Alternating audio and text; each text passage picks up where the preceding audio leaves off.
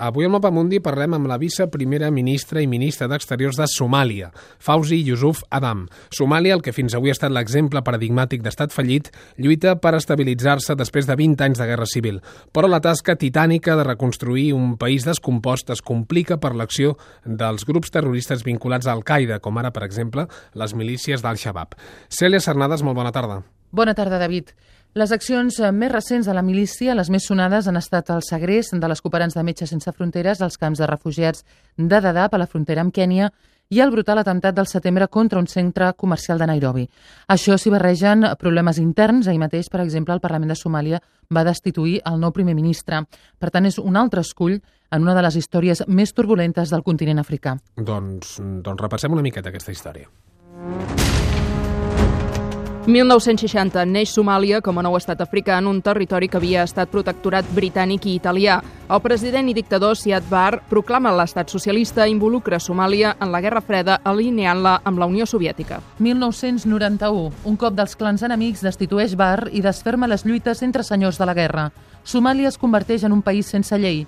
Les institucions es desintegren, el conflicte mata i desplaça milers de persones i la població es queda sense recursos per combatre desastres naturals com les sequeres. 2006. Els tribunals islàmics prenen el poder a la capital, Mogadiscio, i s'estenen cap al sud. La històrica enemiga de Somàlia, Etiòpia, envaeix el país en suport del govern interí instaurat mesos abans. Neixen les milícies d'Al-Shabaab, que lluiten per imposar la versió més estricta de la llei de la Xària. 2012. Instauració d'un nou govern encapçalat pel president Sheikh Sharif Sheikh Ahmed, amb el suport de l'ONU, a més de les tropes de la Unió Africana.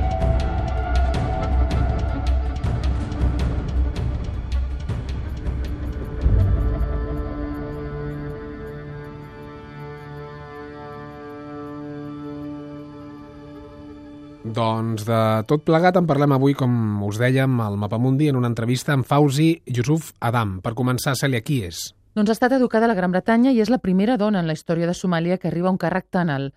La van poder entrevistar fa poc en el marc dels Dies Europeus de Desenvolupament que es van fer a Brussel·les. Doncs escoltem els principals fragments d'aquesta entrevista que li ha fet la Cèlia. Somàlia malda per superar el caos i l'anarquia després de 20 anys de guerra civil i els donants internacionals com la Unió Europea dubten a l'hora de transferir diners directes en aquest nou govern. Podrà Somàlia algun cop superar aquesta etiqueta d'estat fallit? Quan va durar el conflicte entre Irlanda i Anglaterra? Fins a 800 anys. I el Txad, per exemple, va estar en guerra durant 37 anys. La confrontació entre superpotències, els senyors de la guerra, les dictadures... Tot just estem sorgint de les cendres d'aquests anys desastrosos però no ens agrada que ens anomenin estat fallit. Ho érem, però ja no. Però les autoritats s'enfronten a unes milícies, al Shabab amb forts vincles amb Al-Qaeda i capaces de segrestos com els de les cooperants o l'atemptat de Nairobi. Sí, tenen vincles amb Al-Qaeda, però estan perdent. Ja són els seus últims dies. Primer perquè estem decidits a eliminar-los, però també perquè estan lluitant entre ells, s'estan matant entre ells. Dels set màxims líders, només dos estan en actiu. Més d'un miler de joves han abandonat els camps de les milícies. Els seus quarters generals estan destruïts. Ja ni tan sols controlen la capital. Estan fora del conjunt del país, tret d'alguns punts del sud. A finals d'aquest any que ve hauran desaparegut.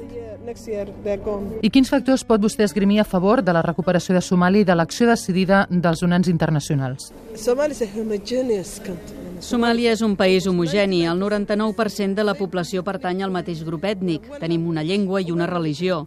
En aquest sentit, és única. Somàlia té un emplaçament estratègic i és un país molt ric. Tenim 3.375 quilòmetres de costa, una de les més llargues d'Àfrica. Tenim la proporció de ramat més alta per càpita i també tenim petroli, gas, urani, titani, i com a ministra, sent una responsabilitat afegida en un país on les dones assumeixen tot el pes domèstic i estan sotmeses a la mutilació genital, per exemple? Les dones somalis són molt fortes, sempre han estat alliberades. No som com altres països islàmics.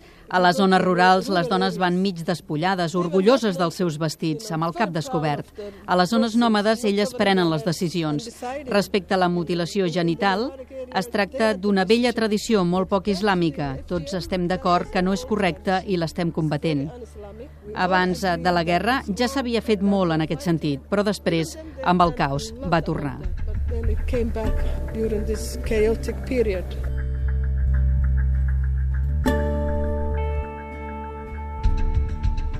Doncs era l'entrevista que li ha fet a la viceprimera ministra de Somàlia, la número 2 del govern, la Cèlia Sarnada. Cèlia, gràcies, molt bona tarda. Adéu, bona tarda.